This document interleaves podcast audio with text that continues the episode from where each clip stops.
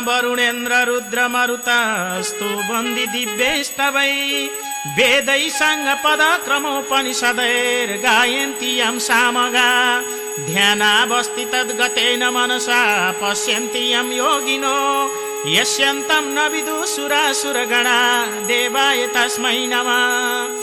श्रीमच्चन्दन चर्चित जलवपु शुक्लाम्बरा मालिका मालालं कृतकुण्डला प्रविलसन् मुक्तावली शोभिता सर्वज्ञान निदान पुस्तक धरा रुद्राक्षी माला धरा वाग्देवी वदनं भुजे बसतु मे त्रैलोक्य माता चिरम् मुकं करोति वाचालं पङ्गुलङ्घयते गिरिम्। यत्कृपातमहं वन्दे परमानन्द माधवम् नमो भगवती तस्मै व्यवसाये मित तेजसे यस्य प्रसादादक्ष्यामि नारायण कथामिमम् नारायणं नमस्कृत्यं नरं चैव नरोत्तमं देवी सरस्वती व्यासं ततो जय मुदिरयेत् अब श्री स्वस्तानी व्रत कथाको चतुर्दशौँ अध्याय सुरु हुन्छ।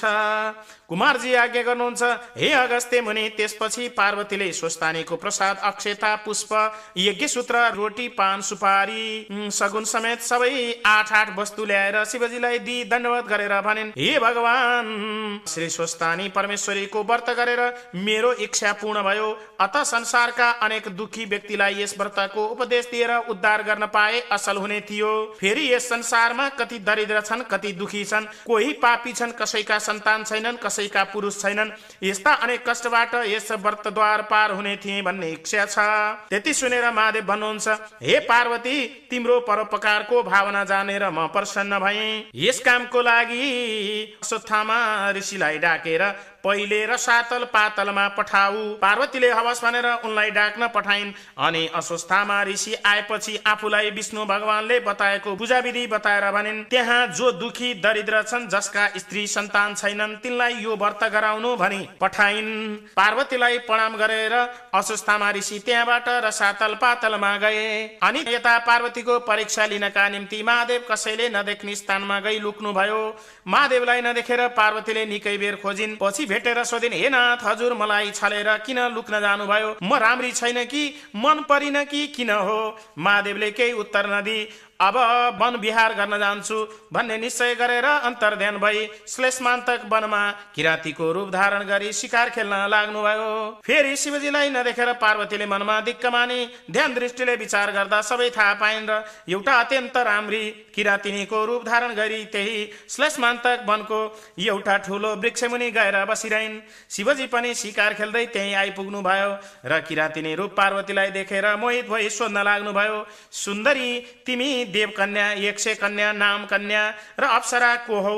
मेरो विचारमा त तिमी जस्ती राम्री यो संसारमा हुनु असम्भव छ। फेरि वन जन्तुको भए नमानी यस्तो घनघोर जङ्गलमा एक्लै किन आयो? मलाई भन।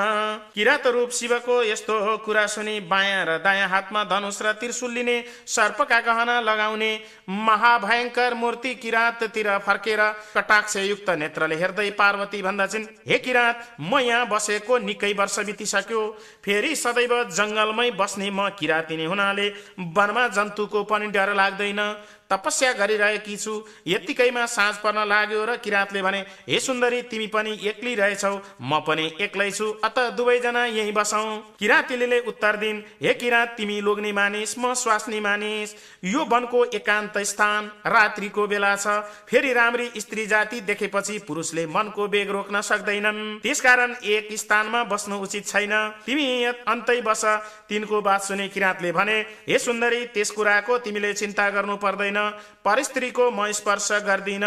त्यो सुनि पार्वतीले स्वीकार गरिन्। अनि दुवैजना त्यही बस्दा बस्दा निकै दिन बितेपछि यसरी कति दिन निर्वाह गर्ने हो भने आकाशवाणी भएर झै गरेर पार्वतीले भनिन् हे ईश्वर हजुर यसै गरी वन विहार गरेर बसिरहनु भयो भने हाम्रो कसरी रक्षा हुन्छ? हजुर नहुँदा हामी सबै अमरगण दुखी छौँ। कैलाश शून्य छ। अत हाम्रो रक्षा गर्नुहोस्। शिवजीले यस्तो आकाशवाणी सुनेर म यहाँ आएको कसैलाई थाहा थिएन। यो बोल्ने को होला? भनी चारैतिर हेर्नुभयो। पछि देवताहरूले भनेका होलान् भन्ने अनुमान गरे। किराँतिनीलाई खोज्दै वृक्षमाथि चढेर फल टिप्न लागे कि किराँतिनीलाई अकस्मात देखेर शिवजी भन्नुहुन्छ हे सुन्दरी तिमी कता गएकी थियौ? म तिमीलाई निकै बेरदेखि खोजिरहेको छु। किराँतिनीले भनिन् हे किराँत भोक लागेर फलफुल खोज्न लागेकी हुँ? कहीँ गएकी छैन? त्यति सुनेपछि पूर्णचन्द्र जस्ती सुन्दरी किराँतिनीलाई देखेर खप्न नसकी शिवजी समात्न भनेर लम्के। अनि किराँतिनीले भन्दछन् हे किराँत के तिम्रो धर्म यही हो? मैले महादेव बाहेक अरूलाई स्वामी मान्ने छैन भन्ने प्रतीक्षा गरेर यहाँ तपस्या गरिरहेको छु। तिमीले मानेनौ भने श्राप दिएर हत्या गरी मर्नेछु। पार्वतीको यस्तो कुरा सुनि शिवजीले आज्ञा भयो हे सुन्दरी म नै महादेव हुँ। वन विहार गर्न यहाँ आएको हुँ। नपत्या हेर भने ज्योति स्वरूपको दर्शन दिनुभयो। अनि किराँतिनीले दण्डवत गरेर भनिन् हे भगवान अब कन्यादान लिन मेरा माता पिता कहाँ हिँड्नु हवस् अनि शिवले स्वीकार गरेर किराँतिनीको पछि लागि जानुभयो।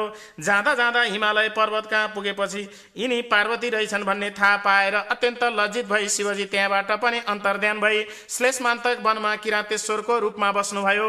पार्वतीले ध्यान दृष्टिद्वारा सबै जानेर आफू पनि बागमतीमा स्नान गरी किराँतेश्वर शिवलिङ्गको पूजा गरेर त्यही तपस्या गर्न लागिन्। पार्वतीले स्नान गरेकी हुनाले त्यस घाटलाई गौरी घाट भन्दछन्। जो मनुष्य गौरी घाटमा स्नान गरी किराँतेश्वरको दर्शन गर्दा गर्दछन् तिनका सम्पूर्ण पाप नाश भएर कैलाशमा बस्न पाउँदछन्। हे अगस्त्य मुनि त्यसपछि पार्वतीको तपस्याले प्रसन्न भई महादेवले आफ्नो स्वरूप दर्शन दिनुभयो अनि प्रसन्न भएकी पार्वती बिन्ती गर्दछिन्। हे नाथ मलाई किन यसरी कष्ट दिनुहुन्छ? मैले केही बिराएकी भए क्षमा गर्नुहोस्। तिनको कुरा सुनेर प्रसन्न भएका शिव र पार्वती त्यहाँबाट हिमालय कहाँ पुगे। छोरी जोइ आएको देखि पर्वत राजाले प्रसन्न भएर पूजा सेवा गरे। चार पाँच दिन त्यहाँ बसेपछि अब कैलाश जानुपर्छ भने महादेवले हिमालयसित विदा माग्नुभयो। अनि गिरिराज हात जोडेर भन्दछन् हे शशि शेखर निमिष मात्रमा सृष्टि स्थिति प्रलय गर्ने हजुरलाई कोटी कोटी नमस्कार छ। हे भवानी शङ्कर लक्ष्मीनारायणले समुद्रको घर जाँदा जस्तो आनन्द भएको थियो। आज मलाई छोरी ज्वाई मेरो घरमा राज गर्नाले त्यस्तै प्रसन्नता प्राप्त भयो। हे प्रभु समुद्र मन्थनमा निस्केको कालकुट विष पान गरेर नीलकण्ठ हुनुभएको हजुरलाई कोटी कोटी नमस्कार छ। त्रिपुरासुरलाई नाश गर्नाले त्रिपुरारी नाम भएका हे विशम्बर यम इन्द्र सब हजुर नै हुनुहुन्छ। सत्तो रज ताम त्रिगुण र गुणातीत पनि हजुर नै हुनुहुन्छ। हे जगदीश्वर आदि मध्ये अन्त्य नभएका अनन्त रूप हजुरलाई कोटि कोटि नमस्कार छ। हजुरको गुणगान गर्न ब्रह्माण्ड शारदा र शेषले पनि नसकेको म अज्ञानीले के सकुला अत मेरो रक्षा गर्नुहोस्। हे प्रभु हजुरलाई कोटि कोटि नमस्कार छ। हिमालयको यस्तो प्रसन्न प्रसन्न भएका शिवजीले हँसिलो मुख पारेर आज्ञा भयो हे गिरिराज तिम्रो भक्तिले म प्रसन्न भएँ। तिम्रो इच्छा पूर्ण हुनेछ भने पार्वतीलाई साथमा लिएर कैलाश जानुभयो। इति श्री स्कन्द पुराणे केदार खण्डे माघमात्मे कुमार अगस्ते सम्वादे श्री स्वस्थानी परमेश्वर्या व्रत कथायम शिव कैलाश गमनम नाम। चतुर्थो अध्याय स्वाहा। उपनयतु मङ्गलं व सकल जगन्मङ्गलालय श्रीमान् दीनकर किरण निबोधित नवनलिन दल निवेक्षण कृष्ण।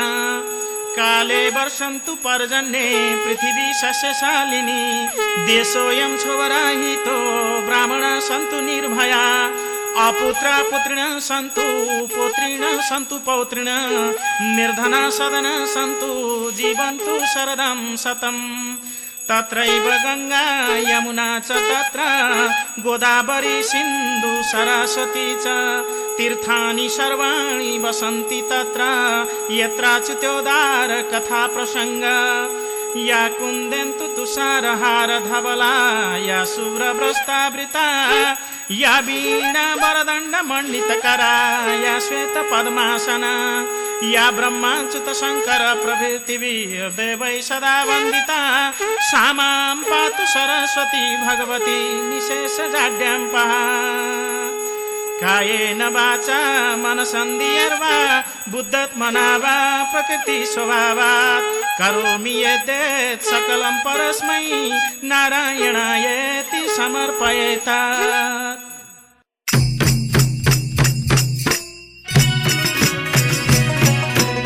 कोटि नमस्कारा